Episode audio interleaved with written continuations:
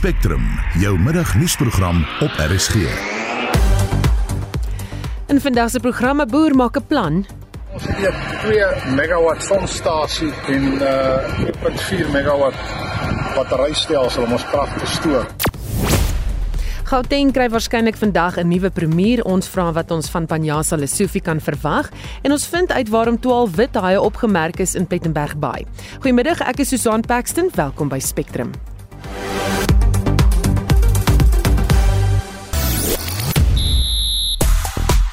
Die Proteas moet wen eendag reeks teen Indië begin vandag in Lucknow. Die skeieregters vir die Springbokke se jaareind toer in November word bekend gemaak en die FIA stel hul begrotingsanalise uitslae tot Maandag uit. Ek is Shaun Jooste en is later terug met meer inligting.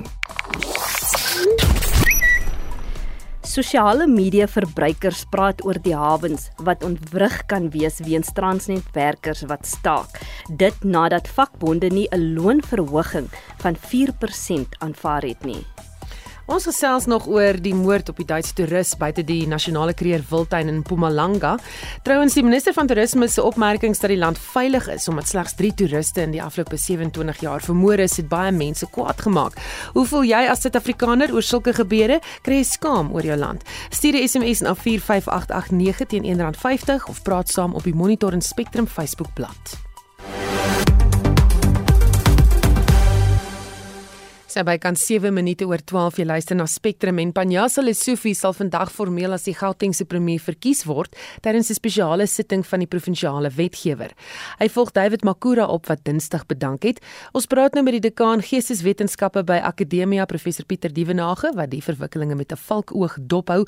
Goeiemôre Pieter. Goeiemôre Susan. Ek hoop daai valkoog is nie te sleg nie. Ja, ons sal nou hoor. Wat gaan eh, van die eerste take wees wat Lesofie moet doen dink jy? Wel, eerstens moet hy nou sy stempel afdruk as premier. Hy is die 7de sedert 1994 van Gauteng. En uh, mens sou kon sê dis 'n nuwe generasie ANC leiers soos hy en meneer Messina van Ekurhuleni. Ehm um, en maar die groot taak wat hy nou het is om dienslewering in Gauteng provinsie beter te laat funksioneer en mens weet onder David Makura die vorige premier het dit maar swak gegaan.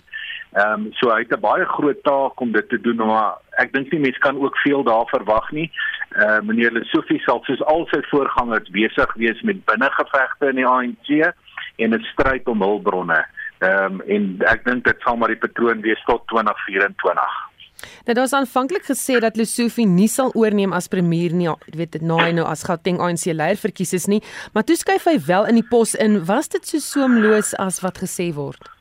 Ek dink nie so nie, jy weet, uh, dit is dit bly maar vir my 'n raaisel dat die ANC hierdie tipe verkiesingsprosedures het. Dat hulle verkies 'n leier amper 2 jaar voordat die uh premier eintlik sy mag moet afstaan, die vorige premier. En en dit het nou gebeur hier, jy weet die verkiesing was hier in Julie dink ek. Dit is amper 2 jaar voor die 2024 provinsiale verkiesing. Nou sit jy met twee uh sentrums van mag. Jy sit nou met die leier van die party en jy sit met die ehm um, premier as dit nie dieselfde persoon is nie. En dis nou wat hier gebeur het en ek het voorspel is daar een een van my voorspellings wat waar geword het dat uh, Lesofie gaan beslis by Makura Makura oorneem lank voor die einde van Makura se terrein se termyn en dit het nou presies hier gebeur.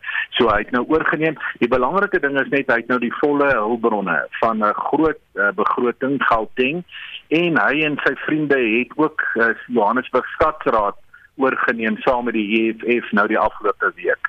So hulle Sofie is iemand wat mens fyn moet dophou, maar weer eens dink ek al die mag en die beheer wat hy het, gaan nie vir die inwoners van die provinsie en vir die stad Metro Johannesburg wees nie.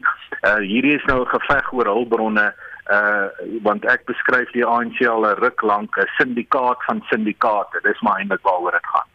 Wie sal by Lesofie as ALR vir onderwys oorneem? Dis 'n groot vraag en ek dink baie Afrikaanse mense is verskriklik bly dat dat, dat soveel weg is as die uitvoerende komitee lid vir onderwys in Gauteng want hy dit sy absolute prioriteit gemaak om Afrikaanse mense te vervreem rondom skole in Gauteng en om werkende skole onder druk te plaas en nie te kyk na die skole in die townships waar hy 'n groot verantwoordelikheid gehad het nie. Sommige name word nou genoem, Manomantu, Nkomo, Ralehoko is een naam, 'n ander naam is Bandile Masuku, maar ons sal nou moet sien of hy vandag al reeds 'n opvolger van hom aanwys wanneer hy nou sy kabinet of sy uitvoerende komitee lede aanwys. Daar's 10 van hulle. So mense kan mooi uitkyk daarna. Ek verwag nie as 'n kommentator dat hier geweldige veranderinge sal wees nie. Ek dink hy het so nalatenskap in die portefeulje van onderwys dat Afrikaanse mense maar hulle harte moet vashou of daar nie nog weer 'n hardvogtige uitvoerende komitee lid kom in daai opsig nie. Mense kan maar net hoop op 'n verbetering want in die opsig het hy groot verwoesting gesaai in onderwys in Gauteng, nie net in die township skole nie, maar ook verhoudinge onderling van gemeenskappe. Is David Makura geskuif om plek te maak vir ander mense in die ANC?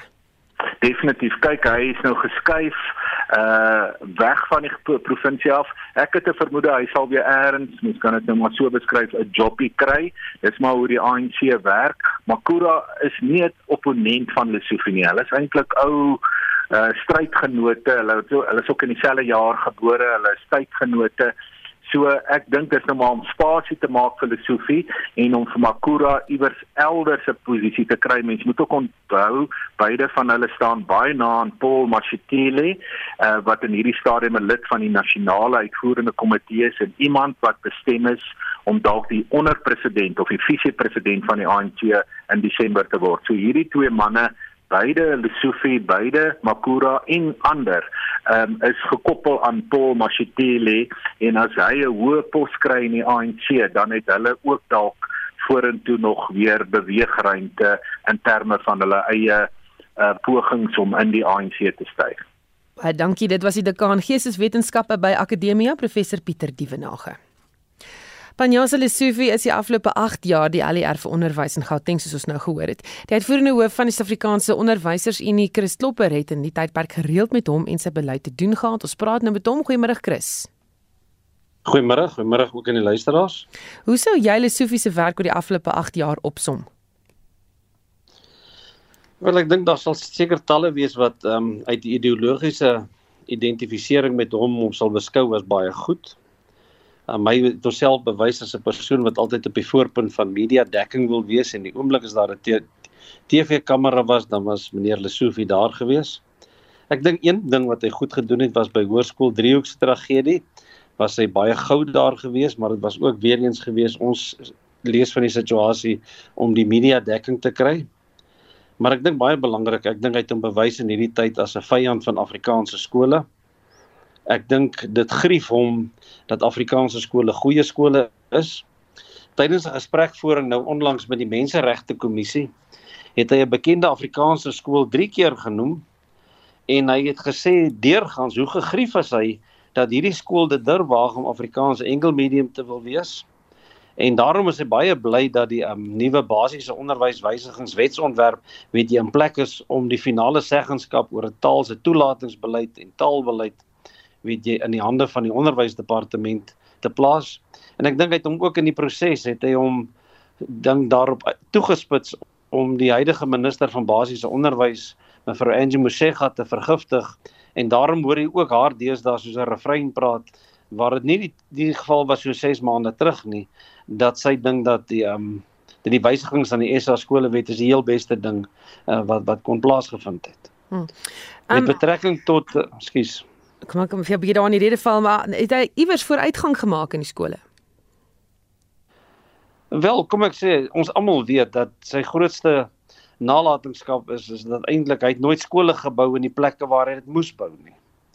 Um hy weet presies waar die knelpunte lê. Ons weet almal nou reeds daar gaan 'n tekort wees van omtrent um tussen 20 en 30 skole einde van die jaar met met die graad 1 en die graad 8 inskrywings.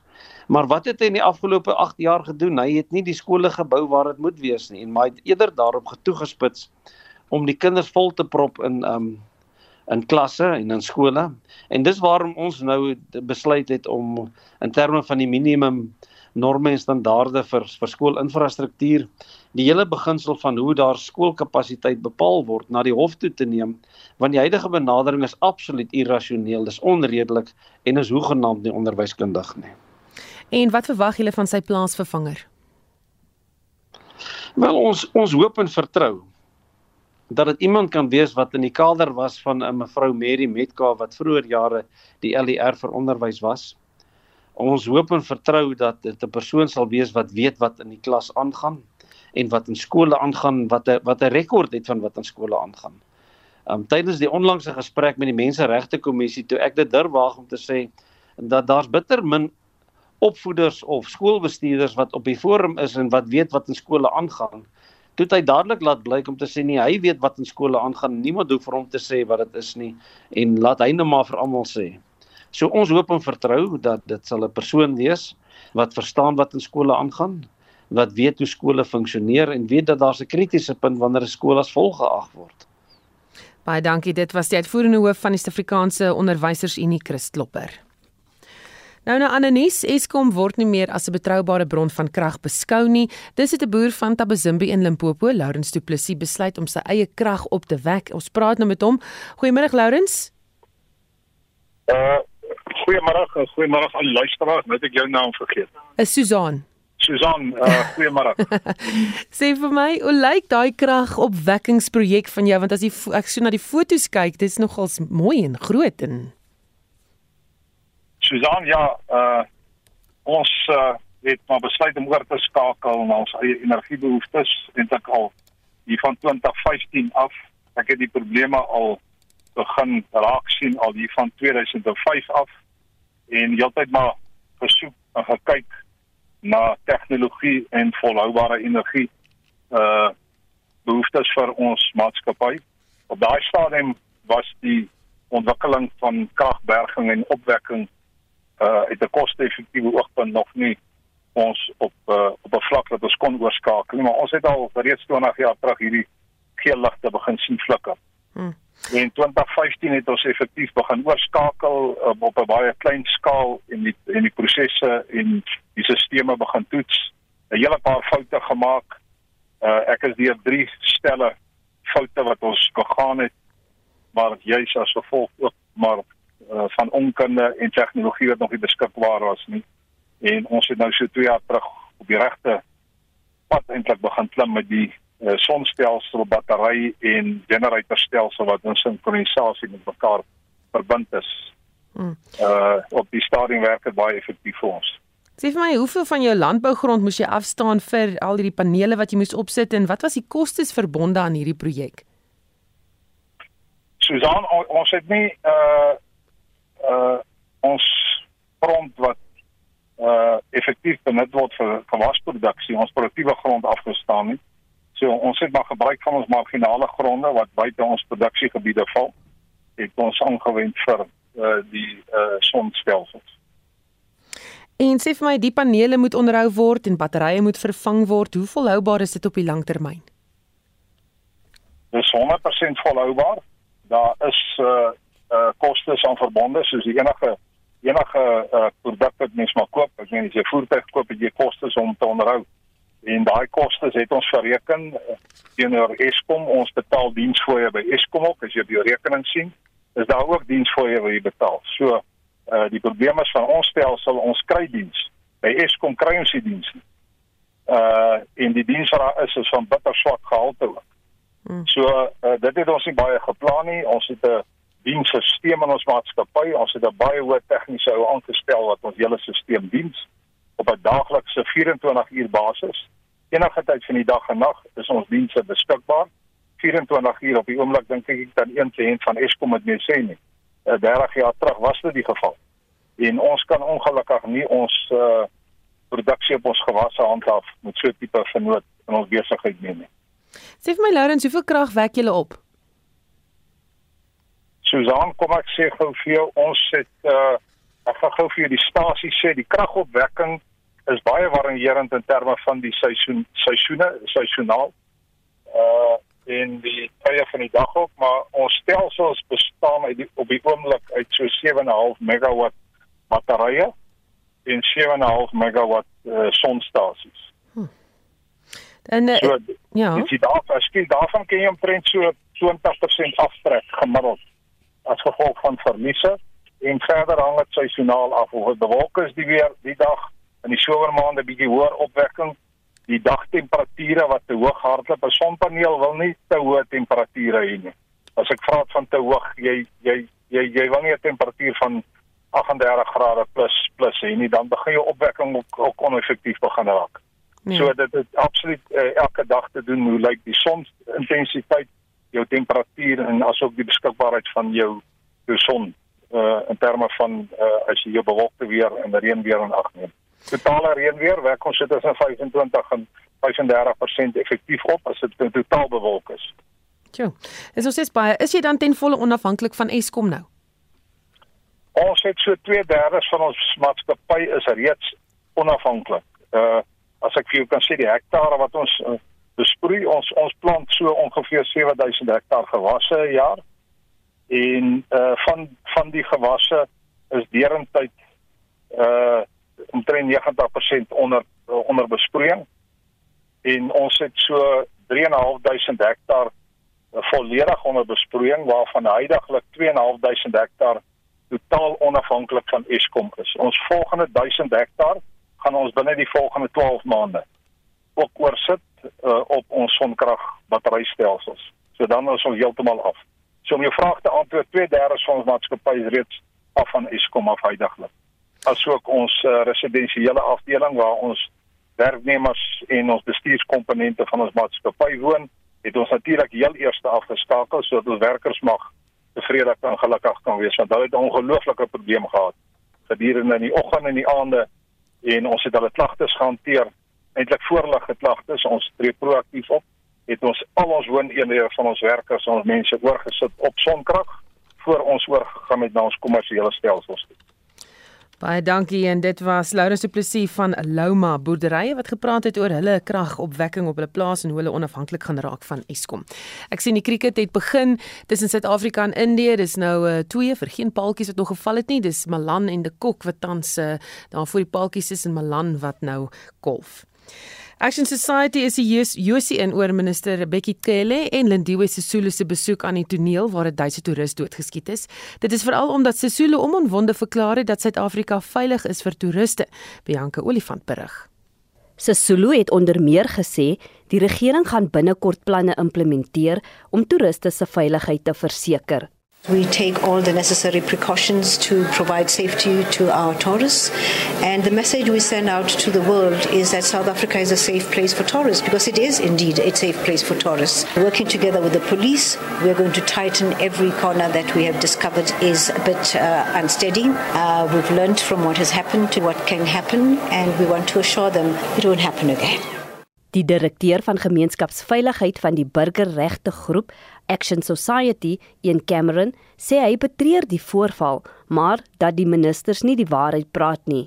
Ek het letterlik nou net 'n video gemaak oor dit en oor minister Sesulu se belaglike uitspraak wat sy sê mense moenie bekommer nie, Suid-Afrika is 'n veilige land om te besoek.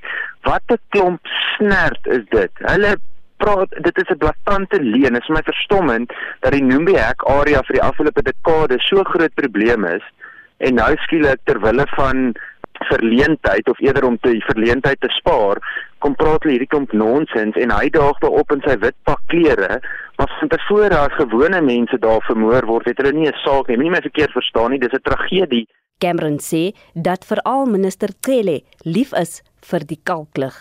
Om eerlik te wees, dink ek hy daag net op wanneer daar 'n kamera is en waar hy 'n nuwe hoed of 'n pak kan aantrek. Ek is regtig moeg daarvoor om elke keer versigtig woorde te kies wanneer hy so pateties optree. Hy het nog nie een van die oplossings wat in die afgelope 2-3 jaar vir hom genoem is of geoffer is of voorgestel is, het hy aangeneem nie. Ons het hoeveel keer het ons 'n positiewe gesprek met hulle probeer intree en hy het nog nooit na vore gekom en saam probeer werk nie. Elke liewe keer daag hulle of nie op nie of het een of ander flou verskoning vir hoekom hulle nie kan saamwerk nie. So ek weet eerlikwaar nie meer nie. Ek wonder partykeer of is Cele nie net daar vir sy eie beswil, jy weet, net vir homself om magtig te wees nie. Hy sê hy wil graag weet waar Cele is wanneer moorde op byvoorbeeld die Kaapse vlakte gepleeg word. Gister is daar 'n ma van 34 doodgeskiet in Delft. Dis maar net nog 'n ma want hulle het reeds aanvaar dat dit maar net nog 'n Cape Flats moord is. Daar's wat 8 boere in die afgelope maand vermoor. Dis maar net nog 'n plaasmoord. Hulle gee eenvoudig nie om nie. So dit is 'n dit is baie sleg en ek wil nie hê toeriste moet nie Suid-Afrika toe kom nie. Dis 'n groot groot groot deel van ons ekonomiese vooruitgang en ek wil hê dit moet goed gaan. Maar wragtig waar op hierdie manier en met die blaatante leuns wat hulle vertel, kan ons eenvoudig nie meer stil bly nie. Dit was die direkteur van gemeenskapsveiligheid van die burgerregte groep Action Society, Ian Cameron. Die verslag is saamgestel deur Annelien Moses en ek is Bianca Olifant vir SAK nuus. Verskeie luisteraars het gekla dat hulle reeds 6 dae lank nie water het in die Noord-Kaapse dorp Kenhardt nie. Rassie en Rihanna van Sail skryf: "Die inwoners is moedeloos en kan nie eens hulle toilette spoel nie. Dit is warm en mense het drinkwater nodig asook om te was. Nie almal kan duur kanne water by die besighede koop nie. Kenhardt is een van 3 dorpe wat onder die Kai Gariep munisipaliteit val. Ons water kom van Keimoes afskryf hulle en dit word met 'n pypleiding gepomp uit die Oranje rivier. Laat weet asseblief as iemand 'n plan het. Groot asseblief, maar ons praat nou sommer met die burgemeester van die Kai Gariep munisipaliteit, Marshall Matthys. Goeiemôre, Marshall. Uh, goeiemôre. Uh, sê vir my, Marshall is jy daar? Ja, ek is daar. Ons sê vir my, um, hoekom is daar nie water nie? Wat is die probleem? Ja, op hierdie stadium uh, was dat die probleem was 'n ka kabel wat gegrou het en dit was gegrou en 'n kabel raak gegrou. En toe wat daar nie krag na die, na die krag toevoer na die na die waterplant toe op daai stadium. So toe het nou gesukkel om om die die kragkabel reg te kry en intussen het dan nou mos nou nie water in die plant inge, inge, ingegaan. So met die gevolge die die die die tekort wat alreeds daar is as gevolg van load shedding. Uh het toe nog groter geraak. So intussen is die is die is die kabel toe nou herstel en um die watertoevoer is toe nou as toe nou herstel ook maar load shedding omdat die die die die watervlak mos nou te laag was. Ehm um, dan as die as die watervlak onder 40% is in um, in Lennerswil, dit dit dit beteken ehm um, Lennerswil se se waterplan verskaf aan Lennerswil as ook aan Kenner. So die druk dan na Kenner toe is dan is dan nou swakker en dan gaan ook minder water uh, na Kenner toe. Hmm. Dit sê So so die die kapasiteit van die van van die dam kan ek kan nooit sy kapasiteit bereik nie as gevolg van van van load shedding en die die die kabel het al reeds 'n uh, groot probleem veroorsaak. So nou kets nou speel ons almal nou speel ons heeltyd catch up om water te kry um, na die Kenner area toe. Hmm. So dat dat was eintlik die probleem en om alles erger te maak, jy daar toe nou intussen in Kenner uh, transformer geblaas en ons moes toe nog 'n dag ekstra ekstra langer wag vir Eskom om die om die transformer ook te kom te kom herstel. So intussen is die transformer herstel ehm um, deur uh, Eskom en intussen is die probleem uh, nou uh, by Kygarib se kant uh, ook opgelos. So daar sal van na van na môre toe sal dan nou weer volhoubare water wees.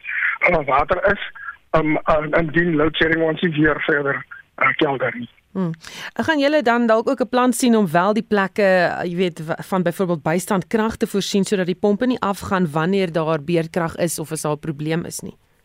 Ja, ja, uh, daar maar daar is um, gesprekke met die met met met, met Skatek gevoer oor oor eers 'n tydelike oplossing. Van dit besluit op op op op uh, generators, backup generators.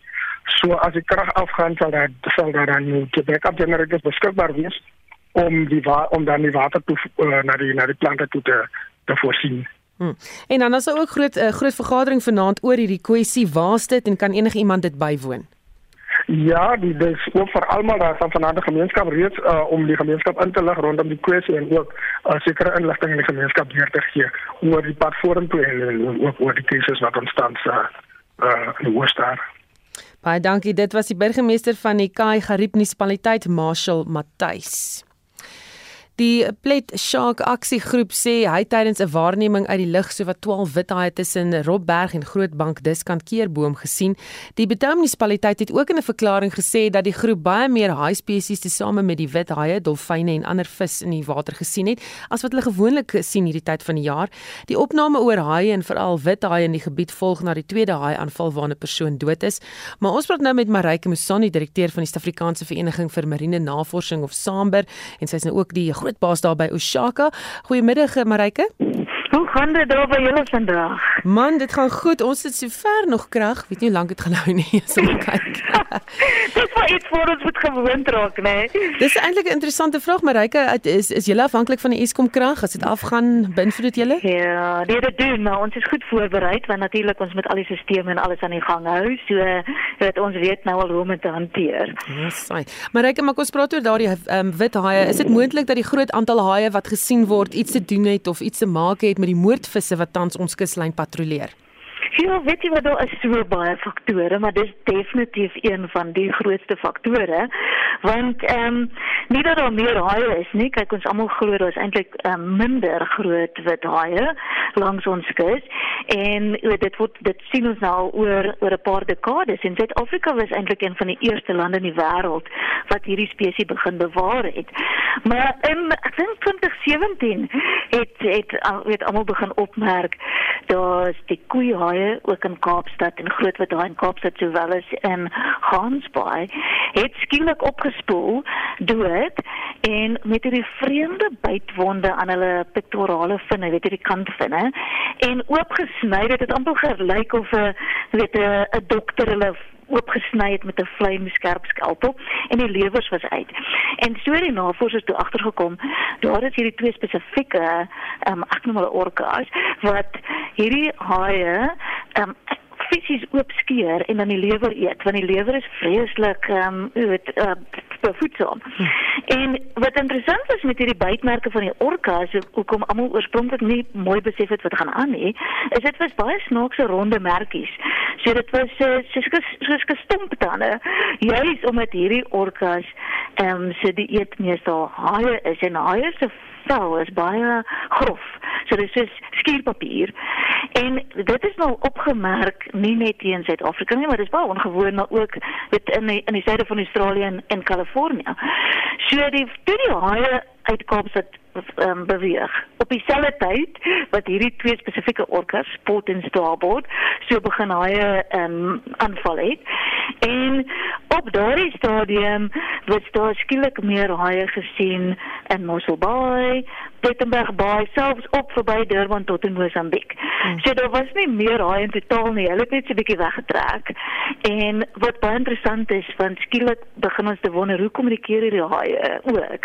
Ehm um, as dit oor hierdie orkas wat skielik rondbeweeg en haie soek. So maar nou met plek vir my is nog altyd so 'n bietjie van 'n high hotspot. Ehm um, is daar meer so want haie beweeg ook rond afhangende van waar hulle kos kry. En die groot wat daai is maar oor die grootste roof is eintlik, wat as jy nou dink is 4.5 tot 5.5 meter lank, is groot, 1 tot 2 ton. En ehm um, hulle eet nogals baie ander haie en so 'n bietjie seevoëls ook skulpture en dan natuurlik robbe en ook weet as daar dooie walvisse is. En deesdae 'n groot bedreiging vir hierdie groter haai spesies is dat daar oorbevissing, maar oorbevissing van haie, so daar's minder kos beskikbaar vir hulle. So hulle gaan na areas waar daar makliker kos is en natuurlik in Pieterberg Bay is daar die robbe kolonie, jy's by Robberg en die moeilikheid nou is net dat dis 'n robbe kolonie wat reg langs 'n baie um, bekende toeriste en weet vakansiedorp is. So mense verwag ongelukkig konflik tussen oseaangebruikers en roofdiere in die see. Ja. Maar ja, hy kan baie robbe eet. Dit is definitief een van hulle gunstelinge in hierdie tyd van die jaar is is gewoonlik wanneer die die robbe nog baba robbetjies kry. So die robbe wat nou so jaar oud is, so die kleintjies, hulle word nou noem dit sommer die nesie uitgeskop en hulle is dan baie makliker prooi want dit is nogal harde werk om iets te jag. So ek dink die haie konsentreer oor ook bietjie waar hulle die minste energie gaan spandeer om die meeste en die maklikste hoeveelheid kos te kry. Goed. En interessante werk wat al gedoen het op baie ook en ek dink gans by daai uitgespoel en dit was 'n perfekte groot uh, wit haai. En toe hulle die haai nou oop sny om te kyk wat fout, toe kom hulle agter hierdie haai, ja, ek kan nie presies onthou hoeveel nie, maar 5, 6, 7 robbe geëet. En en hierdie haai het homself fisies dood geëet. So ek dink as daar robbetjies rond is, dan is hulle op weet hunting mode en probeer maar net soveel as moontlik en hulle is in die omgewing. Maar ek kyk of jy vra, ehm um, Shark Spotters het intussen gesê hulle gaan ook gaan handjie by sit daar in Plettenberg Bay. Hmm.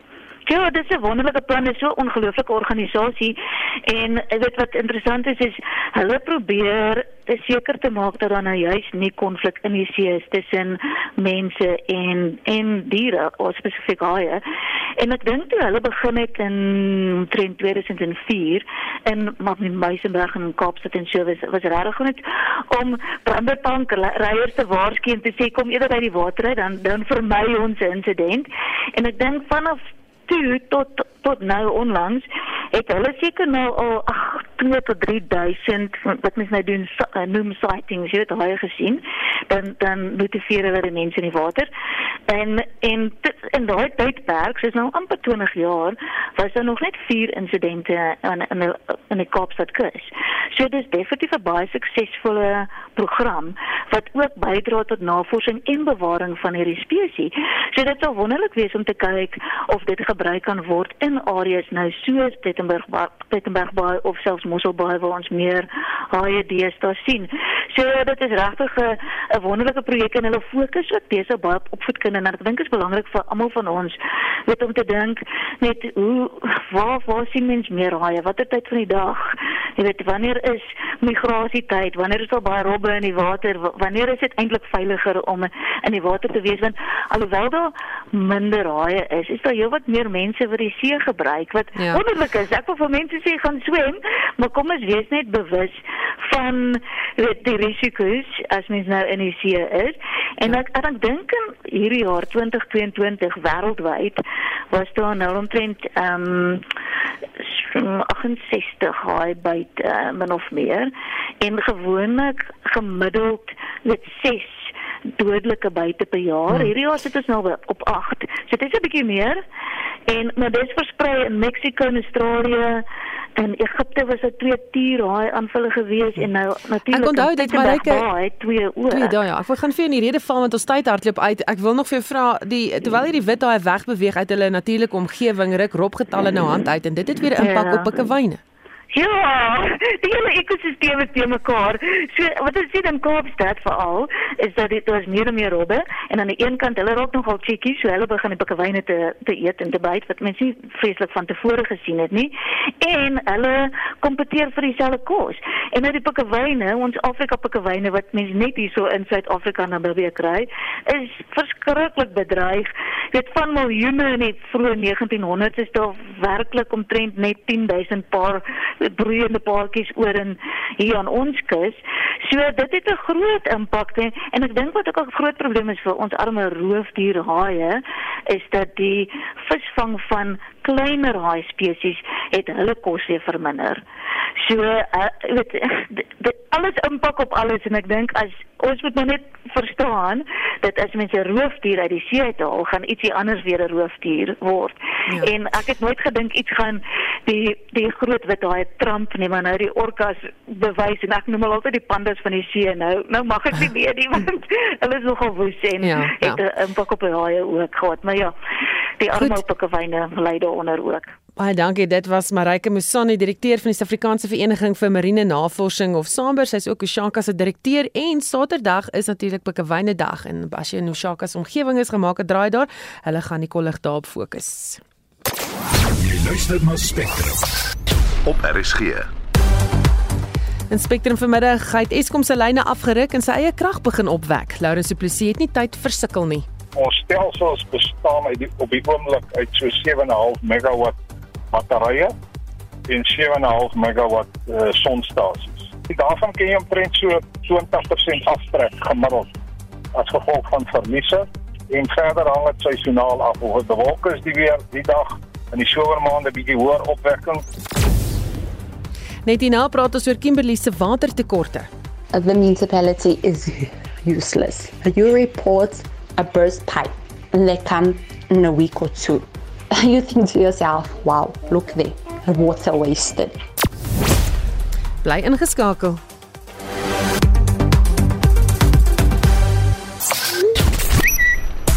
Op sosiale media trek die hitsmerk Camps by baie aandag met 25000 tweets. Dit nadat twee mans gister in Camps Bay in 'n skietvoorval doodgeskiet is. Ons gesels op eh, of oor die moord van 'n Duitse toerist by die nasionale kreer Wildtuin. Klomp luisteraars wat reageer. Uh, Annelie Colat wat sê toeriste is baie belangrik vir ons land. Die mense van daardie omgewing maak staat op werk van die Wildtuin. Wat ek nie verstaan nie is dat hulle dit nie so insien en eerder mense wegjaag met hulle gewelddadige optredes. Ek sien nou so baie inskrywings op Facebook van buitelanders wat nou te bang is om na Suid-Afrika te kom. Hoop die paar euros wat hulle kon kry gaan vir die hele gemeenskap kan sorg. Rio van Dijk wat sê ek is woedend die rede omdat 'n Duitse toerist oorlede is. Nou wil hulle iets doen wat van die maand dogtertjie aan die begin van die jaar, die ander na hulle, beteken ons land se mense dan niks vir die regering nie. Hier is Shaun Jooste met vandag se sportnuus. Die eerste van 3 eendagwedstryde tussen Indië en Suid-Afrika word vandag in Lucknow gespeel. Daar is baie op die spel vir die Proteas in die reeks. Suid-Afrika is uiteindelik 11de op die ICC se Superliga punteleer waar slegs die top 8 outomaties vir die 2023 Wêreldbeker toernooi kwalifiseer. Alwen Suid-Afrika die reeks 3-0, is hulle steeds 9 punte agter die Windies in die 8ste plek met nog net die reeks teen Engeland wat voorlê. Indie het ses debutante in hulle groep terwyl Suid-Afrika hulle sterkste moontlike span vir die reeks gekies het. Ons herinner ook graag dat die T20 Wêreldbeker toernooi tussen 16 Oktober en 13 November in Australië plaasvind. Die skeieregters vir die Springbokke se jaareindtoer in November is gister bekend gemaak. Nika Mashukeli van Georgië is die skeieregter vir Suid-Afrika se eerste toets op 5 November teen Ierland. Wayne Barnes van Engeland beheer die toets 'n week later teen Frankryk. Mike Adamson van Skotland blaas die vletjie teen Italië en Australië se Angus Gardner hou sake op wanneer Suid-Afrika op 26 November teen Engeland kragte meet. Suid-Afrika se Jacob Peyper is ook aangewys as skeieregter vir die toets tussen Frankryk en Australië op 5 November. Daar is twee veranderinge aan die Lions span vir Vrydag aand se Verenigde Rugby Kampioenskappe wedstryd teen Edinburgh in Skotland gemaak. Rowan Venter dra die nommer 7 trui in die plek van Emmanuel Chatuka en Stean Pinaar vervang Edwil van der Merwe op 'n regtervleuel. Die Lions beoog om 'n 3 uit 3 op hulle Europese toer te maak. Die wedstryd skop die aand 8:35 Suid-Afrikaanse tyd af. En dan in motorsportnuus, die FIA is besig om spanne se besteding tydens die 2021 Formule 1 seisoen te analiseer. Die uitslae sou gister bekend gemaak word, maar is tot Maandag 10 Oktober uitgestel. Span het 'n begroting van 145 miljoen dollar vir die seisoen gehad. Daar is gerugte dat twee spanne, Red Bull en Aston Martin, die begrotings oorskry het. Indien hulle skuldig bevind is, kan hulle met die aftrekking van kampioenskapspunte gestraf word, verhoed word om aan toekomstige wedrenne deel te neem of selfs uit 'n kampioenskap gediskwalifiseer word. En dis Shaun Jooste van RSG Sport. En daardie cricketwedstryd daar aan die gang tussen Indië en Suid-Afrika ontstaan tans op 20 lopies en Malane 10 en De Kokke 10 is De Kok wat tans voor die paltjie staan. Inwoners in Kimberley in die Noord-Kaap sit weer sonder water. Die toevoer is vandag gesny en duur tot Maandag en ons praat nou met ons verslaggewer in Kimberley, Reginald Witboy. Goeiemôre Reginald. Goeiemôre Susan en ook aan die luisteraars. Ons sê die water is weer gesny. Waarom is dit nou weer gesny? Wel Susan, dit gaan nou amptelik 6 uur vanaand gesny word. Ehm um, die wanneer die Riverton Reservoir ehm um, ja, amptelik afgesit gaan word en dan weer maandag aangesit gaan word en dit is die versekering wat ons gekry het vroeër van die burgemeester van die Salt Lake munisipaliteit Giso Sonyoni toe ons regstreeks saam met hom gedoen het um, vir televisie. Maar uh, hy het aan ons voorgehou dat dit gedoen moet word uh, want daar is waterlekkasies wat hulle nou moet aandag aan gee. Um, ons weet ook vroeër hierdie jaar in Mei maand het ons uh waterinfrastruktuur opgradering gehad en dan ook vir hierdie jaar in November. En ek het by hom gevra is dit nou die laaste keer wat ons so iets gaan sien? En hy was eerlik om te sê dit sal nie die laaste keer wees nie. Ons het ook saam met die demokratiese alliansie en die ekonomiese um die EFF wat in in die Solplaatjie munisipaliteit sit op daardie raad um gevra hoekom word dit gedoen? Die DA se Heinrich Pieters se uh, wat ehm um, die kokesleier is, hy het vir my gesê ehm um, genoegsame inligting word nie aan hulle deurgegee sodat hulle ook dit aan die uh inwoners kan deurgee nie. Die EFF het vir my gesê dat hulle eintlik gefrustreerd is want dit kan nie wees dat hierdie probleem van van administrasie tot aan administrasie kan gaan nie en al by die DA en EFF het voorgehou dat dit nie die laaste keer gaan wees wat ons hierdie probleem sal sien waar ons sonder water gaan sit nie te midde ook ons weet hier is 'n uh, 'n um, uh, 'n hittegolf wat ons tans ook beleef en temperature is bo, uh, bo die 30 grade Celsius hier in Kimberley. Word inwoners daar met watertankers gehelp? Ja, die burgemeester het nou gesê of beloof dat daar uh watertankers gaan wees en dit gaan hulle gaan Jojo tanks ook uh, in alle residens um residensiële areas in Kimberley in plaas vir mense om om water te kry vir hierdie 5 dae maar hulle gaan ook voorsien aan hospitaal aan die hospitale, die universiteit en dan ook wanneer skole maandag dan weer ook uh heropen. So dis die belofte wat ons gekry het, maar uh uit ook verseker dat die water beslis aangaan maandag, maar van tevore het ons in Kimberley al gesien dat hierdie probleem kan uh, eintlik 'n bietjie langer duur as wat verwag word. So ons kyk maar en ons hoop um, wanneer ek het vir hom ek het aan hom voorgehou ek sal maandag terugkom na hom toe om te kyk of hy by sy woord gehou het. Baie dankie. Dit was ons verslaggewer in Kimberley, Reginald Witboy. Ek seker hy gaan vir ons vertel uh, wat hy gehoor het as hy nou klaar gepraat het met die manne wat die beloftes gemaak het. 'n Inwoner van Kimberley wat haarself net as Jade voorstel, sê die watertekorte het net soos beerkrag 'n enorme impak op haar geestesgesondheid. It's frustrating and problematic It's not cool. And the water, oh, the water when it comes back, it's brown, it's milky, it's not drinkable, it's disgusting. Sy sukkel om haar daaglikse roetine te volg. The fact that I have to bath in a bucket, in a small bucket, and the toilet it smells because obviously now you can't flush the toilet every time you use it. Your general hygiene you can't bath whenever you want to bath. You can't even drink a lot of water unless you buy the water because trust me the water here is not nice. Haar frustrasie met die munisipaliteit borrel oor. The municipality is useless. You report a burst pipe and they come in a week or two to fix it. It's a one hour job. Yet they take their own time. So it's very frustrating because the water will lay the whole street. Nobody will bother to come and fix it from the municipality. You'll phone them every day and complain every day. You'll go and also report them to the newspaper. Then they will come out. And then they'll fix it and it'll take one hour and then the pipe is fixed. But then the whole water is laying all over. You think to yourself, wow, look there, water wasted.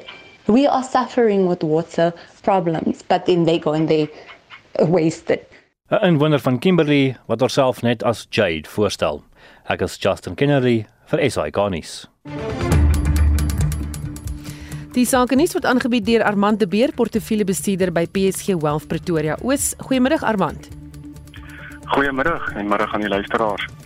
Op die valutamarkte verhandel die rand tans R17.83 teenoor die dollar R17.62 teenoor die euro en R20.05 teenoor die pond.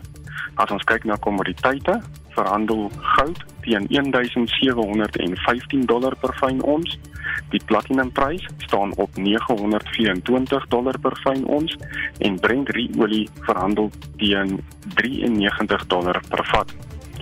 Aandelemarkte wêreldwyd daal vandag nadat die OPEC+ alliansieplan om olieproduksie te verminder weer inflasievrese aanwakker. Verder wag beleggers vir Amerikaanse arbeidsmarkdata om die risiko van 'n resessie te bepaal. Die FTSE 100 verhandel tans 0,5% laer. Die Franse CAC 40 verhandel ook 0,5% laer en die Duitse DAX verhandel 0,4% laer. Op die plaaslike front styg ons mark vandag en die JSE algehele indeks verhandel 0,4% hoër op 65900 punte. Onder die swaargewigmaatskappye styg Naspers en Prosus onderskeidelik met 4% en 3% terwyl Richemont styg met 0,8%. Dit is 'n stil dag wat maatskappynuus betref. So as ons kyk na die indekse, verhandel die Holbron indeks 1% laer met Anglo American plc wat daal met 2,9% en Glencore wat daal met 1% op die rug van kommoditeitspryse wat effens daal na die week se sterk vertoning. Die nywerheidsindeks styg 1,3% met Aspen en Truworths wat beide 2% hoër verhandel. Die finansiële indeks verhandel 0,9% hoër met die banke wat sterk vertoon en die wenners daar Capitec wat 2,8% styg en Investec plc wat 1,2% styg. Ander maatskappye wat sterk vind vertoon is Cap Industrial en Transaction Capital wat beide styg met 2,7%. Onder die verloders vandag daal Tungela Resources met 3,2%, Emerson plc daal 2,6% en Momentum verhandel 2% laer. Dis al van my kant af en daarmee die einde van die sake nuus. En dit was Armand de Beer, portefeuljebestuurder by PSG Wealth Pretoria Oos met vandag se sake nuus. Die uitredende SAIK raad het net 9 dae oor voordat hulle amptetermyn verstryk. Dit lyk egter of die proses om 'n nuwe raad aan te stel nie teen 15 Oktober afgehandel sal wees nie. Die uitsaai wet maak voorsiening vir 'n tussentydse raad wat aangestel kan word totdat die proses om die nuwe permanente raad aan te stel afgehandel is. Sommige parlementslede is bekommerd oor die vertraging by die veiligheidsklaring van sommige kandidaate. By die keuse van 'n tussentydse raad moet die komitee 5 geskikte persone kies en hulle by die nasionale vergadering aanbeveel vir finale goedkeuring voordat hulle deur die president aangestel kan word. Die president moet die tussentydse raad binne 10 werkdae na ontvangs van die vergadering se aanbeveling aanstel. Die ACDP-leier Kenneth Mshwe sê hy verstaan nie hoekom daar altyd 'n vertraging is om SAIK-raadkandidate te ondersoek nie. The current board whose term of office is coming to an end took also a long time to be vetted. Uh, we do not understand whether it is because individuals responsible cannot do such a simple thing as finding out about their background and the information they need about individuals and why it always takes long before new board members are appointed. We are hoping that they will not appoint members before they are vetted because if that happens, such people who are appointed might feel feel confident that they got the job, only to be told later on that they did not pass the vetting test. And ACDP believes that that would be unfair. Die IDM sê dit is heeltemal onaanvaarbaar dat die SAIK dalk 'n tussentydse raad sal moet aanstel weens die vertragings wat deur die wanfunksionele kontroleringstelsel van die staatsveiligheidsagentskap veroorsaak word. Die IDM hoofsweep Ngabayomzi Kwankwa wat ook lid is van die kommunikasiekomitee sê dit is nie die eerste keer dat daar 'n vertraging is om die SAIK raad se kandidaate te ondersoek nie.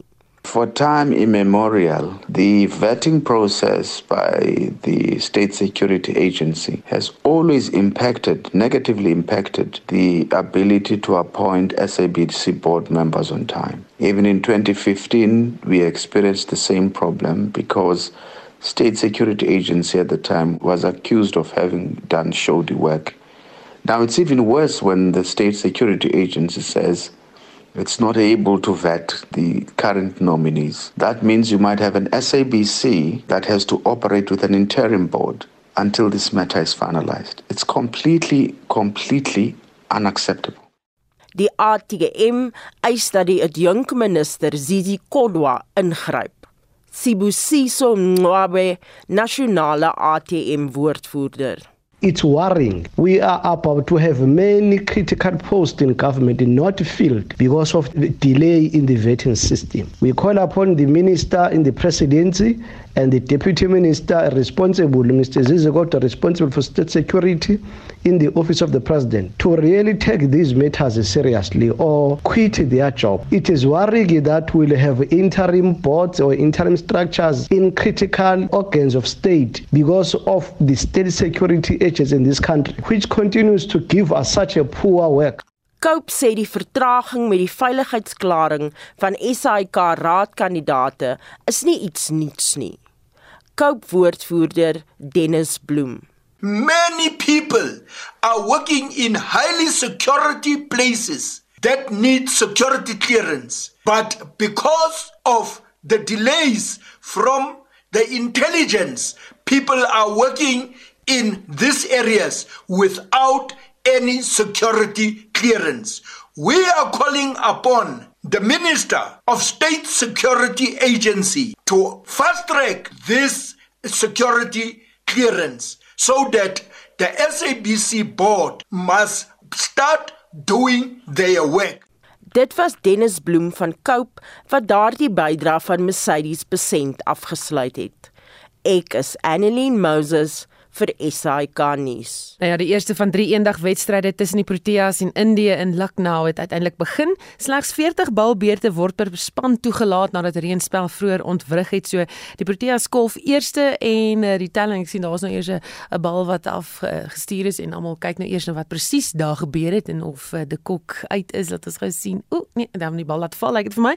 Uh, dit was in 'n 29 vir die verlies van geen paaltjies nie. Laat ons net sien of dit wel as hulle net weer vir ons wil wys nie, hy is definitief nie uit nie. Hy is nou 30 vir uh, geen verlies van enige van paaltjies nie. So die jongste cricket nuus daar uit India. Onthou as jy nou net gehoor het, Monitor Spectrum naweek aktueel en kommentaar sal regstreeks van die woordfees uh, uitgesaai word volgende week. Jy kan ons kom ontmoet. Die span is daar.